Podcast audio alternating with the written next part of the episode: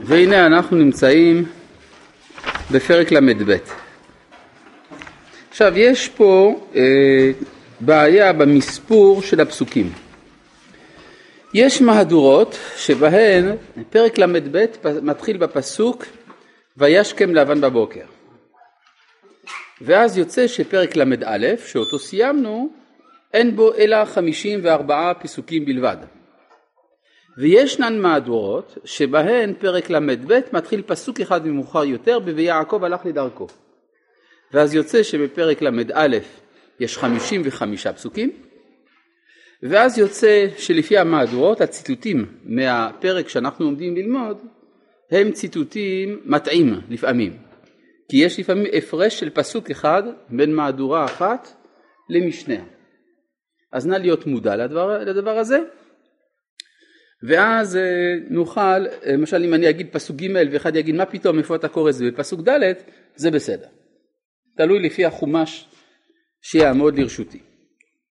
אז אה, הווה נקרא את פרק ל"ב פסוק ב' שהוא אה? ויעקב הלך לדרכו, זה לפי המהדורה שלי באמת. יש מהדורות שזה בטח לא כך, נכון? טוב, ויעקב הלך לדרכו ויפגעו בו מלאכי אלוהים ויאמר יעקב כאשר רעם מחנה אלוהים זה ויקרא שם המקום ההוא מחניים. מה זה המלאכים האלה שפתאום אברהם, אה, יעקב פוגש? כן, זה מאוד מוזר הסיפור הזה. רש"י מביא לנו שמלאכים של ארץ ישראל באו לקראתו ללוותו לארץ. כלומר ההנהגה של ארץ ישראל וההנהגה של חוץ לארץ איננה אותה הנהגה. ואז יוצא שמה שכתוב אחר כך למשל בפסוק ד' תודה רבה. וישלח יעקב מלאכים לפניו אל עשיו אחיו זה יכול להיות אפילו מאותם המלאכים שהוא פגש הוא שולח מלאכים. כן קצת מוזר מה זה שאדם שולח מלאכים למה הכוונה? יש פירוש לא ידוע כל כך אבל הוא פירוש אחר לגמרי זה הפירוש של הרמב"ם בספר מורה הנבוכים, הרמב"ם מסביר שמה שכתוב כאן ויפגעו בו מלאכי אלוהים זה כותרת לסיפור שעומד לקרות. ומהו הסיפור שעומד לקרות?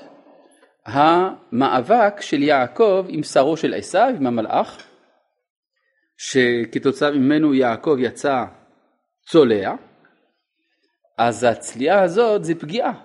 ויפגעו בו מלאכי אלוהים. איך הם פגעו בו? על ידי הצליעה הזאת במאבק בין יעקב לבין המלאך. אם כן, יש פה אה, דרך מיוחדת של הרמב"ם, שבהרבה פרשיות אגב ככה רואה, שיש פסוק שמשמש ככותרת ואחר כך כפירוט. אה, דוגמה לכך מצאנו למשל וירא אליו השם באלוהיני ממרא, זה כותרת. מהו הפירוט? וירא והנה שלושה אנשים.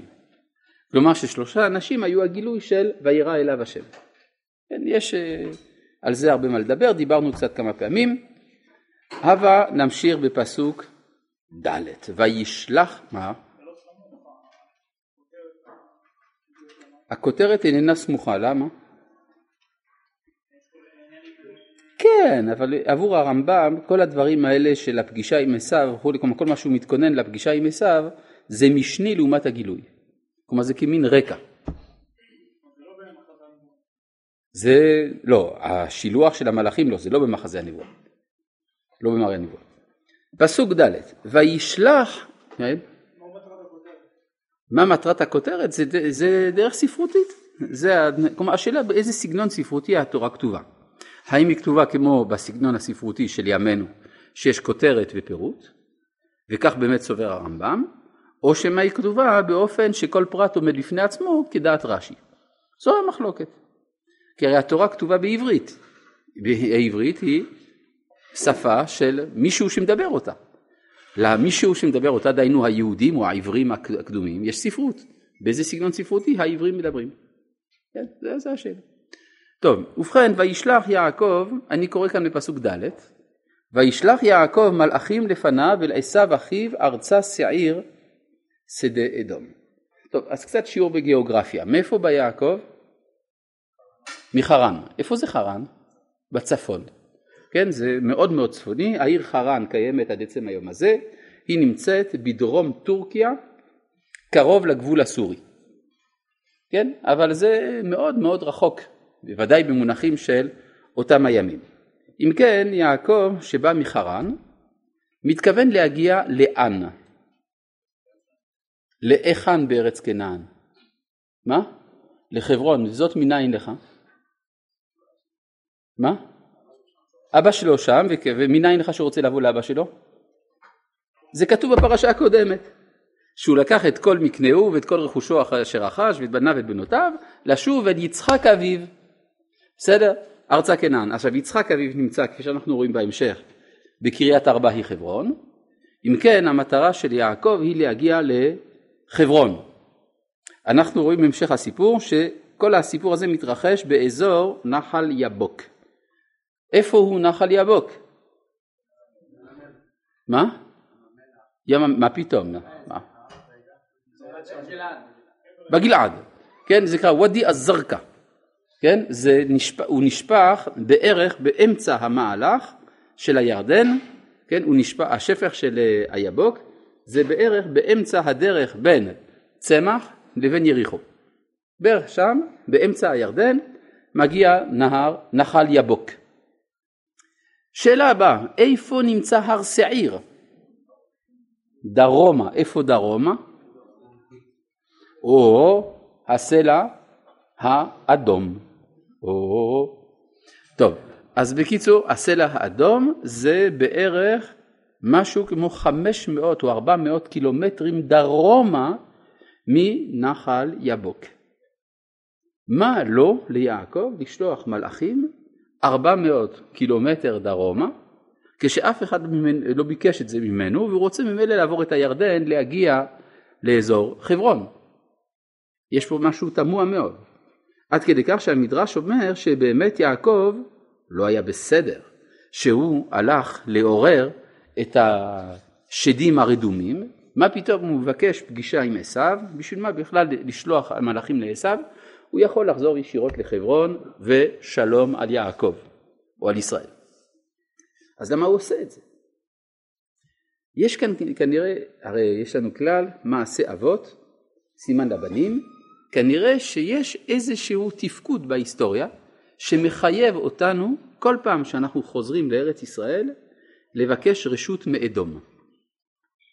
יש לנו דוגמה לזה, אה, כאשר בני ישראל, אין שום צורך בזה, אין שום צורך בזה, כן, אה, כשבני ישראל אה, יוצאים ממצרים, הם מגיעים לאזור הר שעיר, וישלח משה מלאכים אל מלך אדום.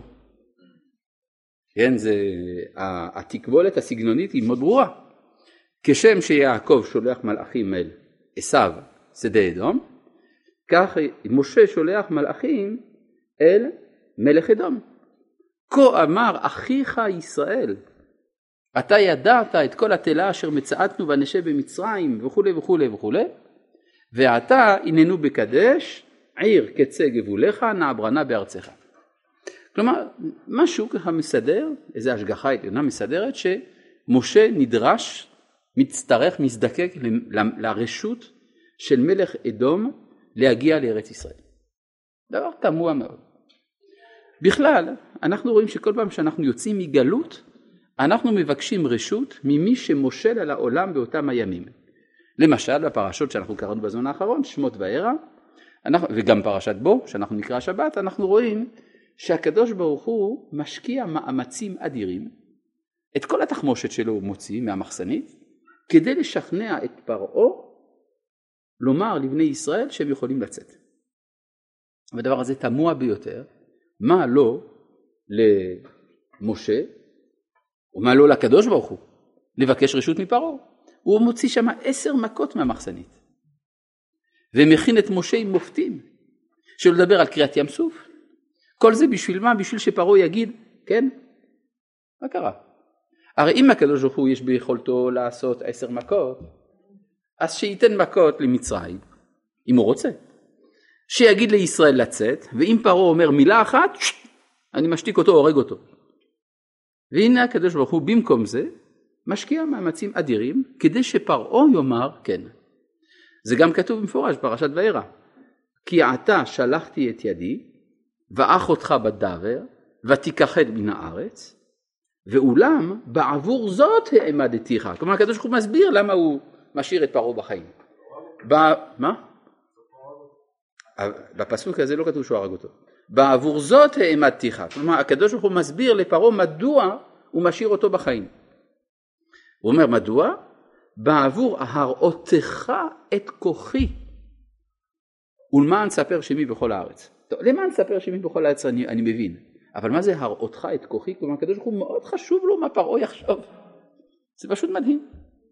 אותו דבר אגב כשמשה צריך לצאת להוציא את ישראל ממצרים, אחרי שהקדוש ברוך הוא שכנע אותו, בשכנוע לא קל, אבל בסוף הוא שכנע, שכנע אותו לצאת לגאול את ישראל ממצרים, וישוב משה אל יתר חותנו, הוא הולך ליתרו, לבקש רשות לצאת. ואם יתרו יגיד לא, יתרו לא מסכים, מה יעשה עכשיו משה? כן, זה דבר גם כן תמוה ביותר. אותו דבר אנחנו רואים אה, בימי בית שני. היהודים צריכים לחזור לארץ ישראל, הקדוש ברוך הוא פוקד את עמו, ולכן הוא שולח את כורש, מלך פרס, כדי להודיע שזה בסדר, אפשר לצאת. אותו דבר אנחנו רואים בעת החדשה. רוצים, הקדוש ברוך הוא מחליט, המחזיר, סליחה, המחזיר שכינתו לציון, ואז צריך את הרשות של אה, ממשלת עוד מלכותה, עוד מלכותו, על ידי שר החוץ אה, ארתור אה, בלפור, ואחר כך צריך לבקש רשות מן האו"ם, כ"ט בנובמבר, ורק אחרי זה אפשר להיכנס לארץ ישראל. כן? שוב אנחנו רואים שזה תהליך קבוע. כלומר מה שקורה כאן עם יעקב ששולח מלאכים לעשו, בעצם מדובר בקטגוריה קבועה במציאות, שאנחנו מבקשים רשות מאדוני העולם. במקרה של יעקב מדובר על עשו, כי עשו הוא בעצם הדמות הדומיננטית בניהול הפוליטיקה הבינלאומית, ולכן אה, צריך לבקש רשות. נשאלת השאלה, וכי למה? מה אכפת לנו? עד כדי כך גם שחז"ל אמרו שהקדוש ברוך הוא השביע את ישראל, זה במסכת כתובות, יש שבועה, שהקדוש ברוך הוא השביע את ישראל שלא למרוד באומות העולם, ושלא יעלו בחומה או כחומה, רש"י, יחד, ביד חזקה, כלומר לא למרוד באומות העולם, אלא עד שאתה מבקש רשות, אל, ת, אל תצא. קיבלת רשות, אתה יכול לצאת. וכך היה גם בעת החדשה. וכך כתב גם הרמב"ן, שהגאולה האחרונה תהיה ברישיון האומות, כבימי כורש מלך פרס. אם כן הדברים האלה הם קטגוריה שחוזרת על עצמה. ונשאלת השאלה, וכי למה? והתשובה. התשובה היא שגאולת ישראל היא בעצם חזרת האומה לזירה הפוליטית הבינלאומית. אם אתה היית מחוץ למשחק איזשהו זמן ואחרים עשו את המשחק, הנימוס מבקש, דורש, שתבקש רשות. סליחה, לא הייתי פה, הלכתי לשתות כוס קפה או הלכתי לישון, האם אפשר בבקשה להיכנס בחזרה למשחק? ודאי, אתה צריך לבקש רשות, כי אתה מזעזע את הסדר העולמי. זה קודם כל מבחינת דרך ארץ. דבר שני, הרי גאולת ישראל יש לה השלכות עבור תיקון העולם כולו. גאולת ישראל היא גאולת העולם. צריך לשתף את העולם בגאולת עצמו. כלומר, ההסכמה של פרעה שישראל יצאו ממצרים, זאת הגאולה של מצרים. בלי ההסכמה של פרעה, אז מצרים הייתה הולכת לאבדון. לא היה שום תקווה, שום ניצוץ לא היה עולה ממצרים הקדומה. לא חבל? או כמו שאומרים ביידיש, משחרם? כן? זה מאוד חבל. לכן צריך לסדר שפרעה יסכים. ועל ידי זה יש גאולה למצרים. כמו שנאמר, וינצלו את מצרים.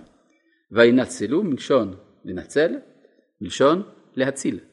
הצלנו ממצרים משהו, וינצלו את מצרים. אותו דבר גם עם עשיו. עשיו זה לא סתם בן אדם, זה האח התאום של יעקב. זה הבן של יצחק, וזה הנכד של אברהם. מה, אין שם ניצוצות של קדושה? אין שם שום דבר? אין שם כלום? ברור שיש שם משהו. ולכן יש הכרח, לפני שנכנסים לארץ, לסגור את העניינים איתו. לקבל ממנו את הרשות. כן, מה? אה? מתי שופטים את הר עשיו? אה, כשיעלו מושיעים בהר ציון לשפוט את הר עשיו. ברוך אתה אדוני אלוהינו מלך העולם שהכלים בו. סליחה? איזה שלב בגאולה זה שייך? לא יודע. הרמב"ם אומר שאף אחד לא יודע את השלבים של הגאולה באיזה סדר הם יופיעו. כשיגיע יגיע. כן. מדוע יש מפרשים שאומרים שיעקב אבינו לא היה בסדר? למשל הרמב"ן. הרמב"ן אומר בגלל הסיפור הזה, בגלל זה החשמונאים הזדקקו לברית עם רומא וכך נפלה ממלכת יהודה. כן, כך אומר הרמב"ן.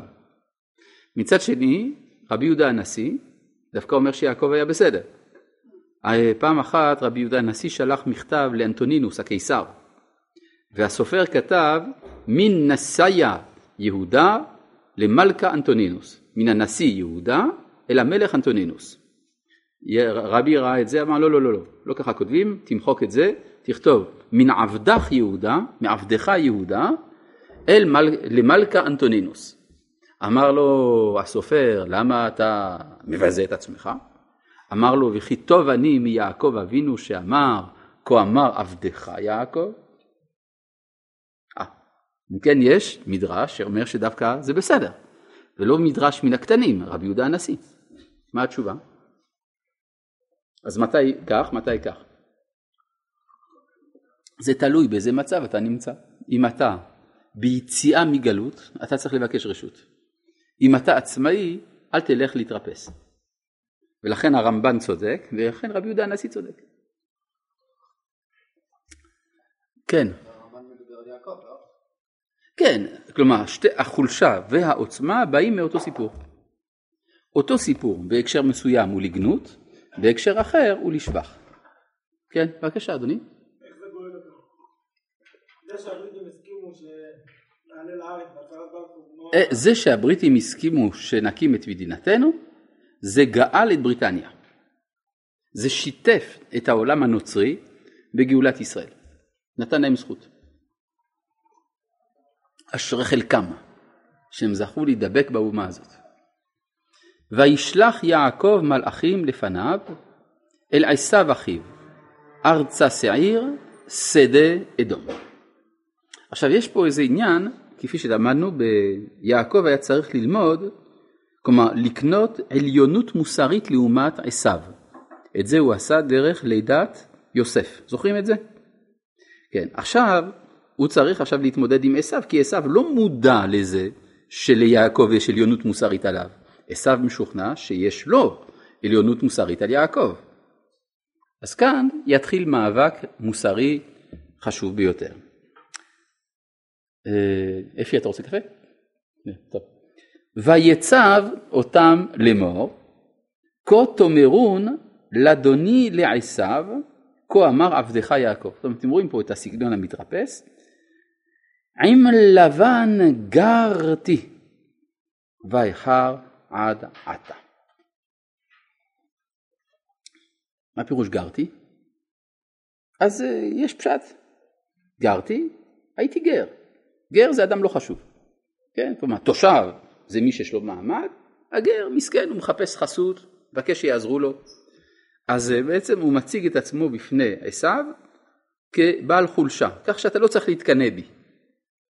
עם לבן גרתי. חז"ל אה, ראו כאן רמז במילה גרתי, גרתי בגמטריה וגם האותיות תרי"ג. תרי"ג זה 613. כן, 613. זה מספר המצוות שבתורה. אז אומרים חז"ל שיעקב אמר, עם לבן גרתי ותרי"ג מצוות שמרתי. טוב, איך אפשר לשמר, לשמור תרי"ג מצוות בגלות אני לא מבין. במיוחד שהתורה עוד לא ניתנה. ובמיוחד שיעקב בוודאי עבר על אחת ממצוות התורה לפחות שם. שהיא? מה? שהוא נשא, מה, מה הוא נשא? שתי אחיות. שתי אחיות. והתורה אומרת במפורש שאסור להתחתן עם שתי אחיות בחייהן. כן, ואישה אל אחותה לא תיקח לצרור עליה בחייה. ברור, הרי רחל ולאה היו חיות, ושתיהן היו נש... נשיו של יעקב, אז ברור שהוא לא שאמר תרי"ג מצוות, מה זה הסיפור הזה תרי"ג מצוות שאמרתי? פשוט מאוד, לא כתוב בשום מקום ותרי"ג מצוות קיימתי.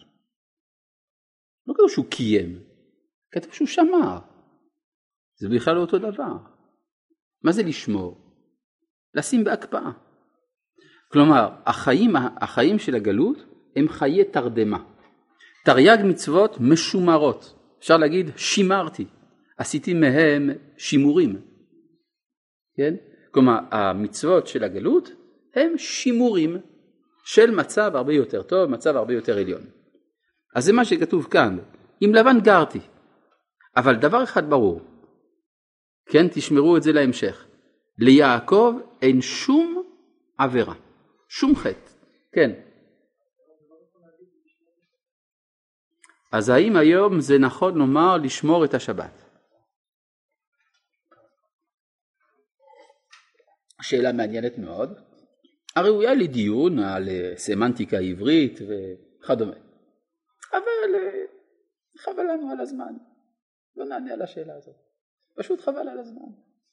טוב, אה, ויהי לי, לא אפשר להגיד שם לשמור שם, אפשר להגיד, זה ביטוי למצוות לא תעשה גם. טוב, אבל לגבי מצוות לא תעשה, כלומר לשמור ולעשות זה מצוות עשה. אבל להגיד לשמור על כל התרי"ג מצוות זה בלתי, אה, זה, זה לא נכון, זה בלתי אפשר. ויהי לי שור וחמור, צאן ועבד ושפחה. רש"י, זה כדי להראות, הרי לא קיבלתי את הברכה של יצחק אבינו. כן, יצחק אמר, טל השמיים משמני הארץ, בהמות זה לא טל השמיים ולא משמני הארץ. אז אתה לא צריך להתקנא. אבל יש פה דבר, כן. אני עוד לא יודע, אני אבדוק את זה בהמשך. לא, אתה צודק, השאלה מה זה ואיכר דעתה, התעכבתי עד עכשיו, מה הוא רוצה להגיד בזה, כן? זה אנחנו נראה בהמשך, בלי נדר. ויהי לי שור וחמור, צאן ועבד ושפחה. יש אם כן שני סוגי דברים שיעקב רכש, בהמות ואנשים. נכון? אתם זוכרים כש... אה, פרעה נותן לאברהם בהמות ואנשים, איך זה כתוב? בפרק י"ג, איך זה כתוב? לא, בפרק י"ב, פסוק ט"ז, ולאבר, ולאברהם היטיב בעבורה, ויהי לו צאן ובקר וחמורים, ועבדים ושפחות, ואתונות וגמלים. אה, מה זה אתונות? זה הנקבה של החמור. אז בואו נראה איך זה כתוב. וחמורים ועבדים ושפחות ואתונות. כלומר בין הזכר של החמור לבין הנקבה של החמור יש גם עבדים ושפחות, זכר ונקבה של בני אדם. מה זה אומר על היחס של המצרים אל בני אדם? שהם שווים לבני אדם, שזה כמו בהמות. רואים מה יותר שימושי. מה שיותר חזק זה החמור. כן, זה, על החמור אפשר לשים הרבה דברים. על עבדים אפשר לשים קצת פחות, על שפחות עוד קצת פחות, על אתונות עוד פחות. כן, כלומר, בסופו של דבר, אצל המצרים, העובדה שהעבדים והשפחות הם אנשים, זה לא מעלה ולא מוריד, זה סך הכל כמו גמל. אצל יעקב אבינו רואים, יש הפרדה, שור וחמור צאן, ועבד ושפחה. כלומר, בני אדם הם באים בקטגוריה אחרת. דבר נוסף, איך כתוב כאן? ואשלך להגיד לאדוני למצוא חן בעיניך. מה הוא שולח?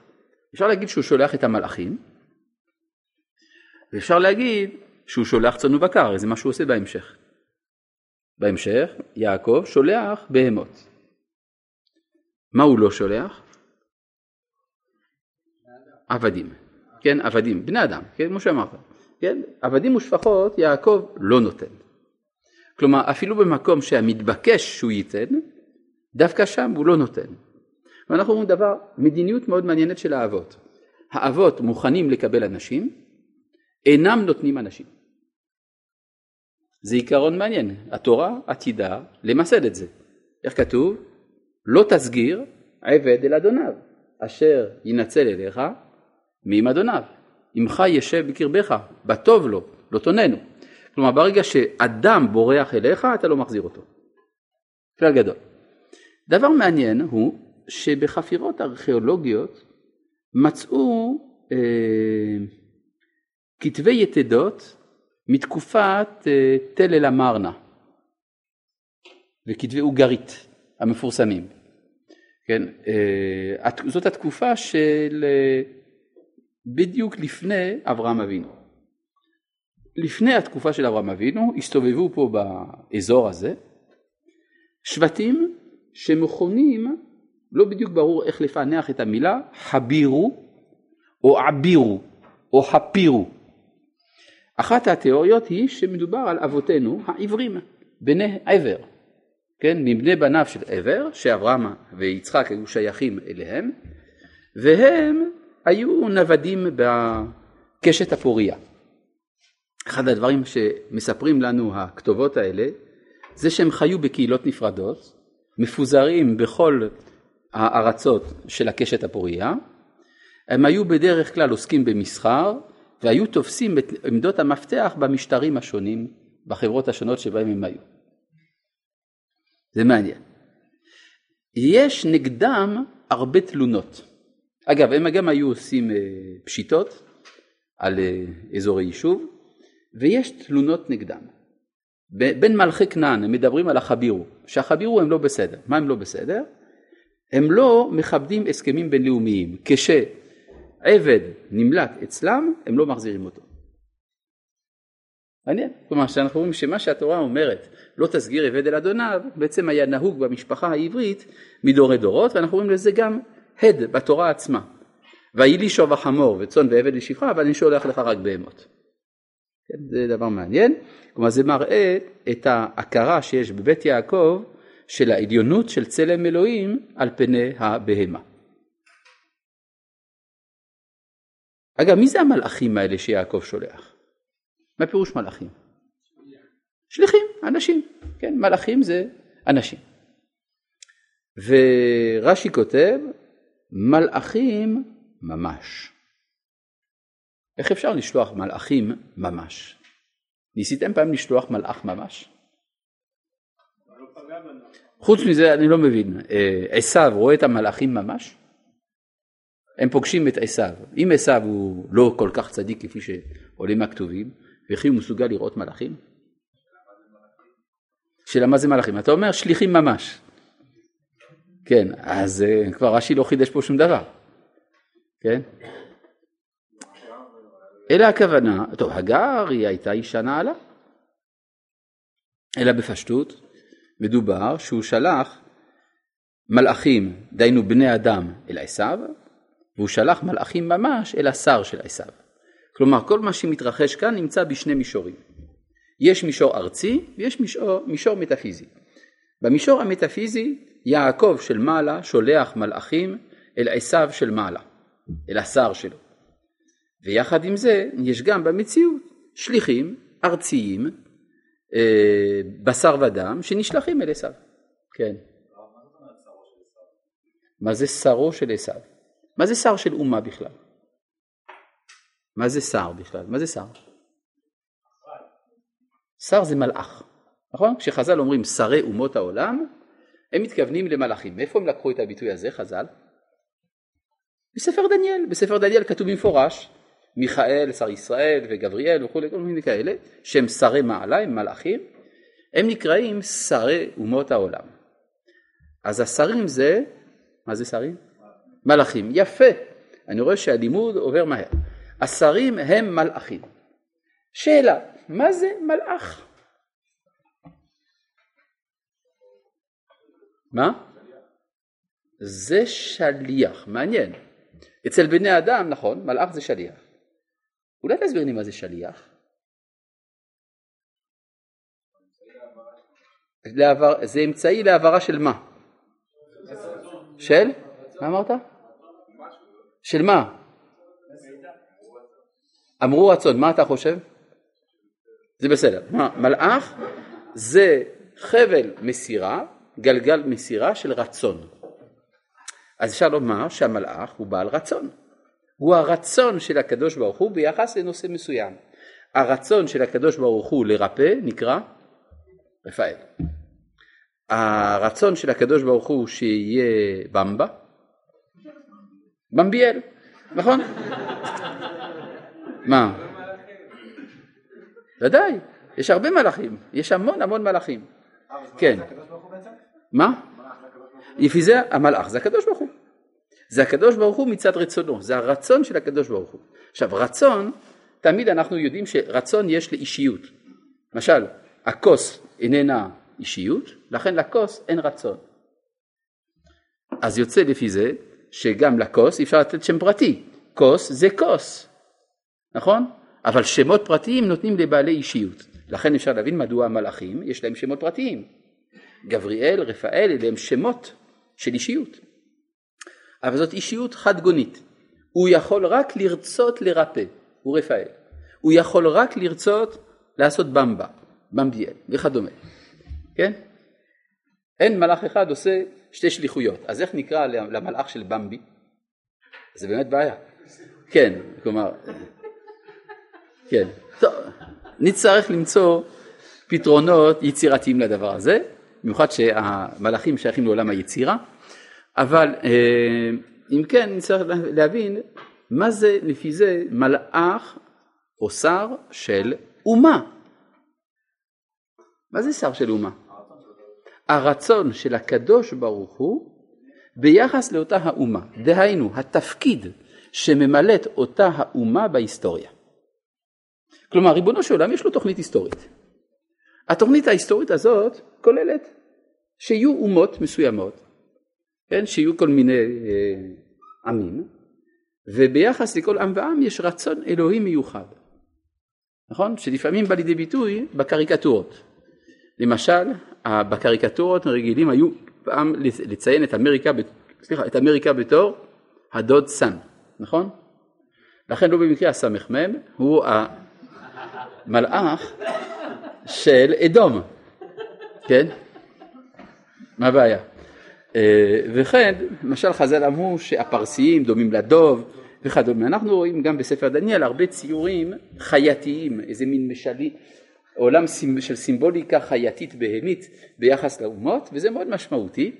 אגב, יש אומות שרואות את עצמן כמיוצגות על ידי נשר או על ידי, על ידי חזיר, למשל רומא היה לה סמל חזיר, או זאבה, או ינשוף באתונה וכדומה, כלומר אותן האומות השיגו שבעולם העליון הם מייצגים משהו שדומה לינשוף, או משהו שדומה לחתול במצרים וכדומה. כן, לא בכדי, לא למשל אלוהי מצרים זה היה איזה מין איל, כן, המון רע, כן, האל המון רע שהיה בדמות איל, מה שחז"ל אמרו שהמצרים עובדים לשה, ולכן בקורבן פסח אנחנו שוחטים את אלוהי מצרים, זה, מש, זה משמעותי הדברים האלה. על כל פנים כן, השר של עשיו זה הרצון, כלומר התכלית ההיסטורית שעשיו ממלא בהיסטוריה. אם כן זה משהו מאוד מאוד רציני, כלומר להילחם בשר של עשיו זה בעצם להגיד לקדוש ברוך הוא לוותר על חלק מהתוכנית שלו. אתם מבינים את הקושי שזה מייצג. נצטרך לברר את זה בהמשך. ויהי לי, מה?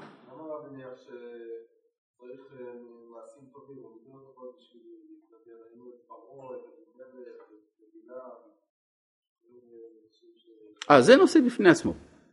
ומאחר וזה נושא בפני עצמו, אפילו אני לא אחזור על השאלה, אם תרשה לי. בסדר. וישובו המלאכים אל יעקב לאמור באנו אל אחיך אל עשיו וגם הולך לקראתך וארבע מאות איש עמו וירא יעקב מאוד ויצר לו מה קרה? ממה יעקב מפחד בדיוק? הוא שומע שעשו מגיע עם 400 איש. מה הוא חושב שיקרה? שמה? שמה? שיחסלו אותו, יפה. נכון, זה מה שהוא חושש. אבל הבעיה היא שכתוב כאן ויירא יעקב מאוד ויצר לו. יש פה שני ביטויים של יראה. ויירא זה אדם הולך אה, למקום מסוכן, הוא חושש מן הפגעים שיש שם. אני יוצא לג'ונגל, אני חושש מן האריות והנמרים. אני יוצא לשכונה אה, אפלה בפאתי ניו יורק, אני חושש מהשודדים. וזה ויירא. אדם יוצא למלחמה, הוא חושש שמא יהרגו אותו, זה נורמלי. כן, זה היראה שיש לאדם שעומד בפני סכנה. מה זה ויצר לו? ויצר לו, היה לו צר מבפנים. זה מועקה. יש לו איזה קושי פנימי, משהו מעיק עליו מבפנים. זה כנראה אם כן מועקה בעלת אופי מוסרי. יש קושי מוסרי, נכון? ויצר לו. אומר רש"י, וירא יעקב מאוד, וירא שמא ייהרג. זה מה שהסברנו לו.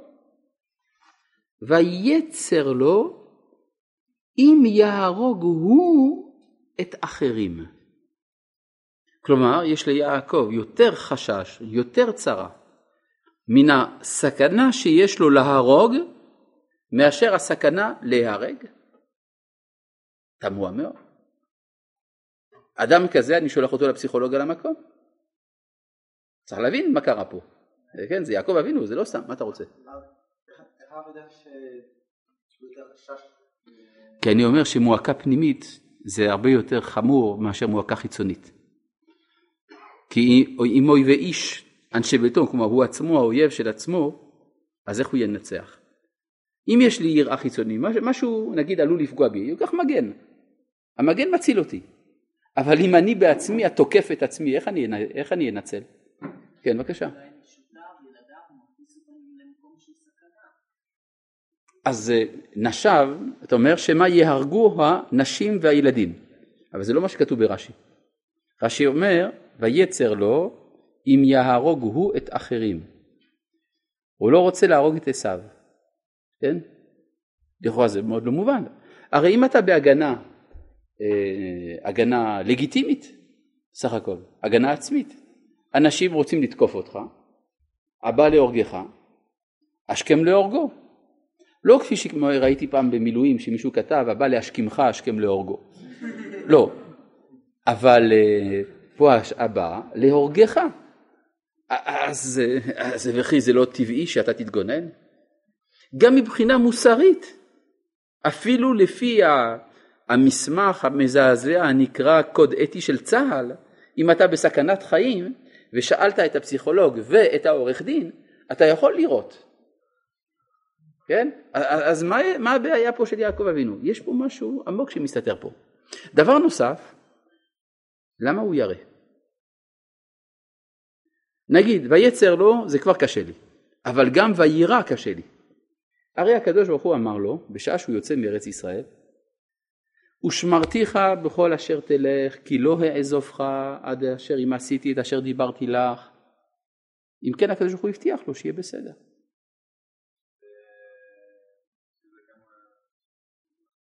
כמה תשובות יש? אני מחפש רק אחת, אני עוד לא מצאתי, בבקשה. אתה אומר, שמה נגמרו לו הזכויות? מי אמר שהוא צריך זכויות? הקדוש ברוך הוא הבטיח לו. הבטיח ואמר שיקיים. זה באמת שאלה טובה, נכון. נכון. כן, כן, כן, אני מסכים איתך, כלומר זה אני מבין מה שאתה אומר, אני רק אומר שזה לא, שצריך בירור קצת, כן? למה אם הקדוש ברוך הוא מבטיח זה לא בטוח שהוא מקיים? כי הרי אנחנו רגילים לומר שכשאדם מבטיח זה לא בטוח שהוא יקיים, אם אלוהים מבטיח בטוח שהוא יקיים, נכון? והאמת היא שזה בדיוק הפוך. אם אדם הבטיח הוא חייב לקיים, מה זאת אומרת? הבטחת. ברגע שהבטחת אין לך שום מפלט, אתה חייב לקיים מה שהבטחת. אבל כשהקדוש ברוך הוא מבטיח זה משהו אחר לגמרי, כי הקדוש ברוך הוא, הוא מכיר את פנימיות האדם. ולכן הוא אומר לו, כשאני הבטחתי לך, היית אדם פלוני. אתה כבר לא אותו אדם. אתה כבר לא מי שהבטחתי לו. אז מי אמר שאני אקיים? ולכן דווקא כשיש הבטחה אלוהית, יש קושי גדול, האם הקדוש ברוך הוא באמת יקיים או לא. והתשובה היא שבסוף הוא כן מקיים, אבל הוא מקיים אחרי שהוא דאג לכך שאתה תחזור להיות מי שההבטחה ראויה לו. ואז הוא משפשף לך את האוזניים, וואו וואו וואו. כלומר, ההבטחה האלוהית כוללת בתוכה ייסורין. ייסורין המכריחים את האדם לשוב לזהות המקורית שראויה לאותה ההבטחה. ולכן יעקב חושש שהוא עומד עכשיו בפני אותם הייסורים. לזה אתה התכוונת אולי. כן, מן הסתם. אבל אני עוד לא ברור לי שזאת הסיבה שבגללה יעקב כל כך ירא. בגלל שחז"ל אמרו פה משפט שלכאורה חסר משמעות לחלוטין.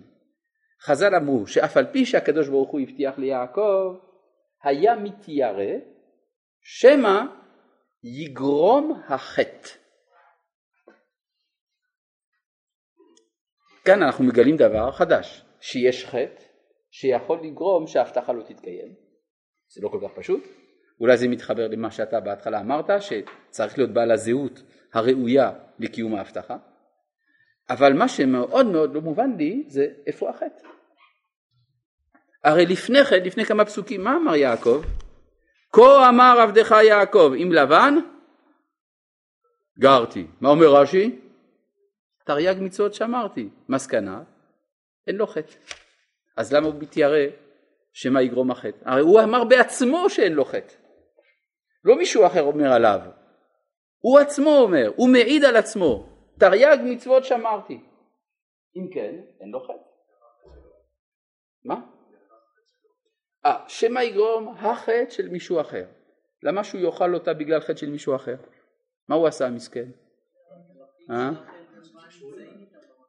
מה, התרפים של רחל? הוא לא יודע על זה.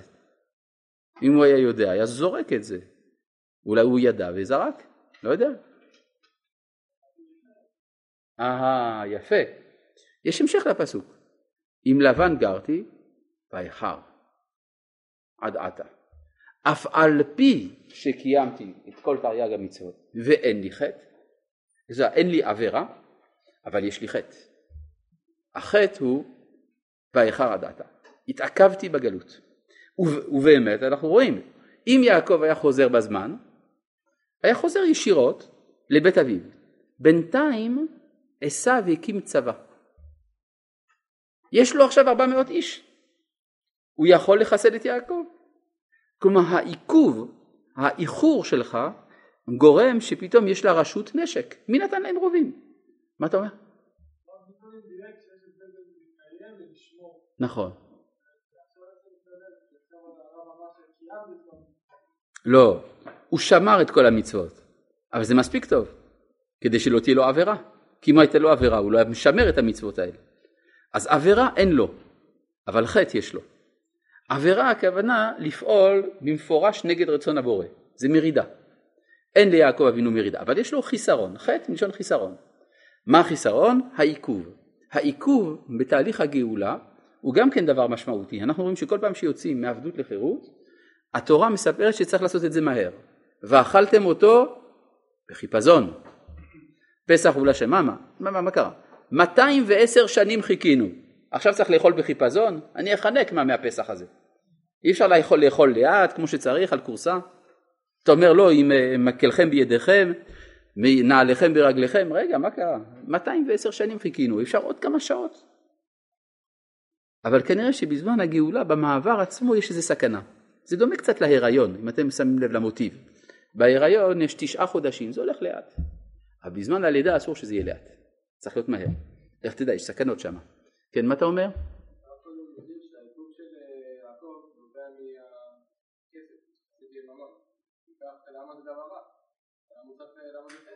זה טוב מאוד שהוא היה צריך להתעכב, זה, זה טוב מאוד שהוא התעכב, הוא היה צריך להתעכב, הבעיה היא כמה להתעכב, וזה דבר שקשה למדוד אותו, כלומר חייבים להישאר בגלות זמן מסוים כדי ללקט משם את הניצוצות, דהיינו להפנים את ערכי התרבות של אותה האומה שאנחנו עוזבים אותה, וקשה מאוד למדוד את הזמן שלא יהיה מוקדם מדי ולא מאוחר מדי.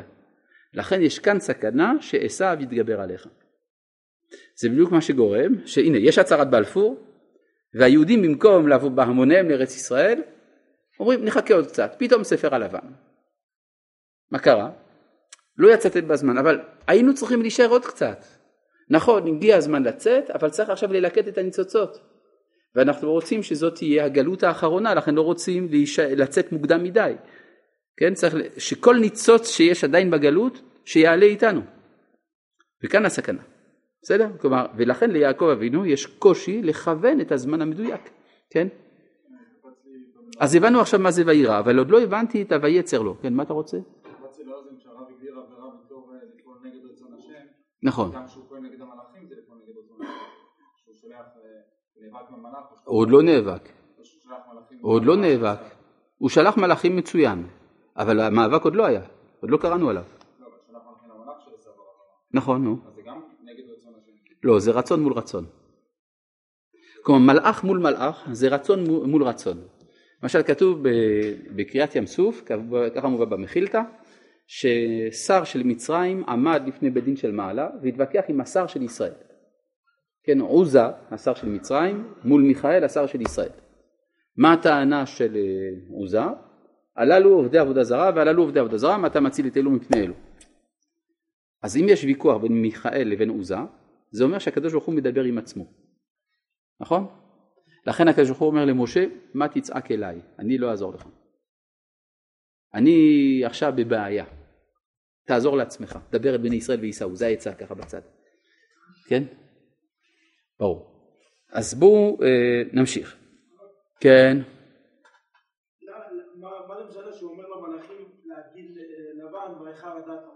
להגיד ללבן?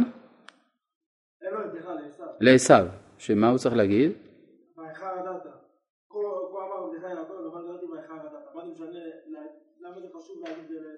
למה זה חשוב להגיד לעשו? כדי שהוא יבין מה הוא עשה עד עכשיו. שהוא עכשיו בא ללקט ניצוצות. כן.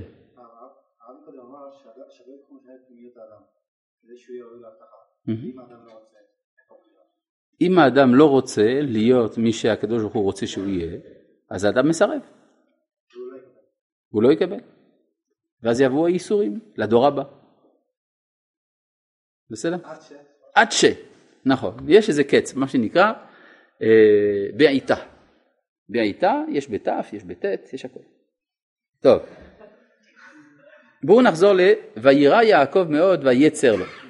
אז רש"י כותב וירא שמא יהרג. ויצר לו אם יהרוג הוא את אחרים. הלשון של רש"י קצת משונה. אני במקום רש"י הייתי כותב אם יהרוג. למה הוא צריך להוסיף הוא את אחרים? אולי בגלל שרש"י כותב בלי ניקוד.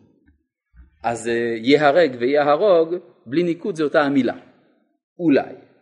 אבל קשה לומר שרש"י נעצר ומנסח את הדברים רק בגלל סיבות אה, דקדוקיות. רש"י לא נעצר בדברים כאלה. השאלה היא פשוט מי זה האחרים האלה שיעקב חושש מלהרוג אותם. מה? אני עוד לא יודע.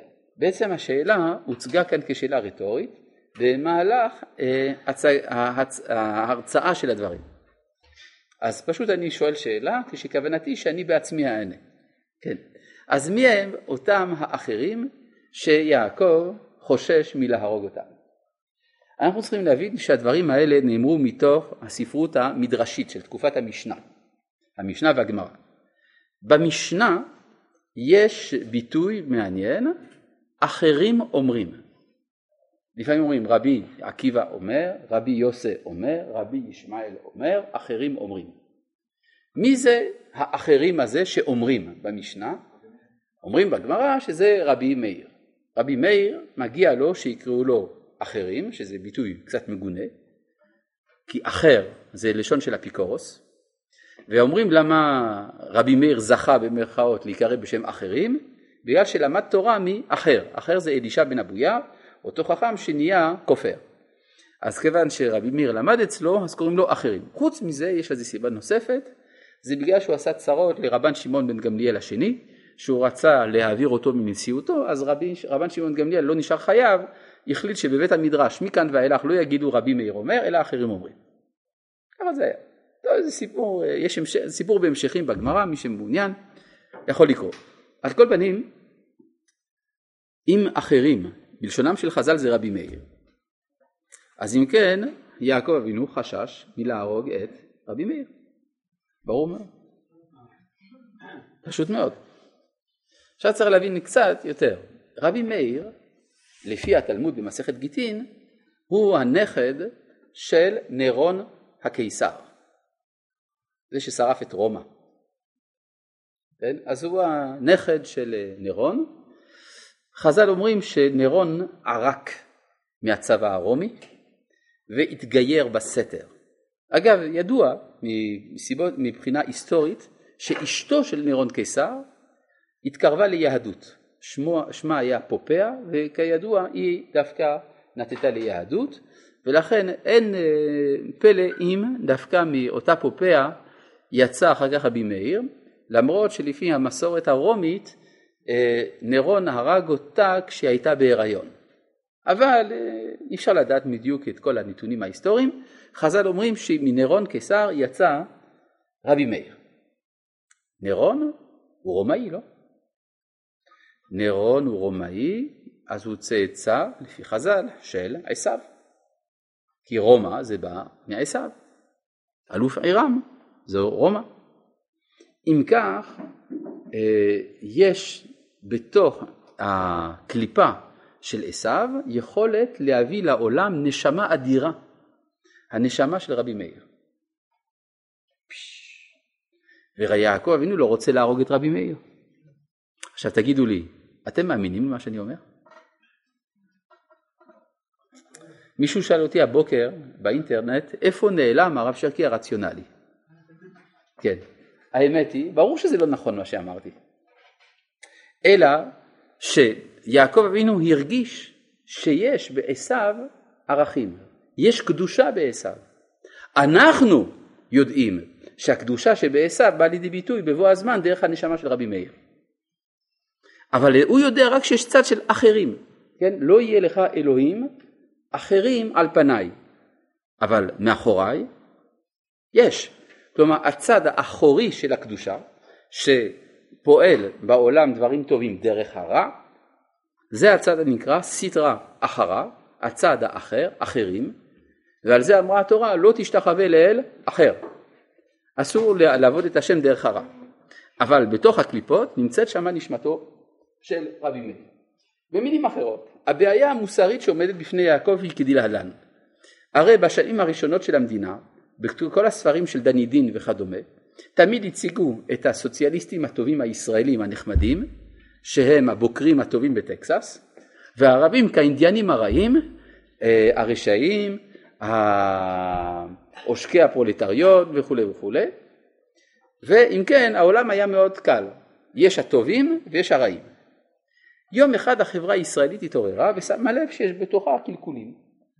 והיא שמה לב לעוד משהו שבצד השני יש גם ערכים ואז יש קושי להילחם. כי כשאתה נלחם בשני, כשאתה מנצח אתה גם בא להרוס את רקמת החיים הנושאת את הערכים שבצד השני. ולכן אתה חושש מלצאת למלחמה. וזאת העמדה של יעקב אבינו בשלב הזה. ויירא יעקב מאוד שמא ייהרג, זה אנושי. והיצר לו אם יהרוגו את האחרים, כי הוא יודע ששם משהו, יש שם ערכים. מה המסקנה? כל זמן שאתה בעמדה נפשית כזאת, אתה לא תיכנס לארץ. אתה לא יכול. אז מה יעשו לך? אתה תהיה מוכרח בעל כורחך בלילה לנצח. ויאבק איש עמו. אתה תהיה חייב לנצח ולהפוך מיעקב לישראל. בסדר, אז עכשיו אתה ישראל, אתה יכול לנצח. ומה עם אה, רבי מאיר, אם תהרוג אותו? אה?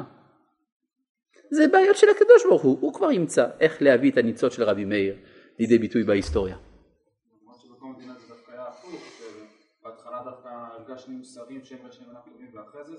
נכון, זה מה שאני אמרתי.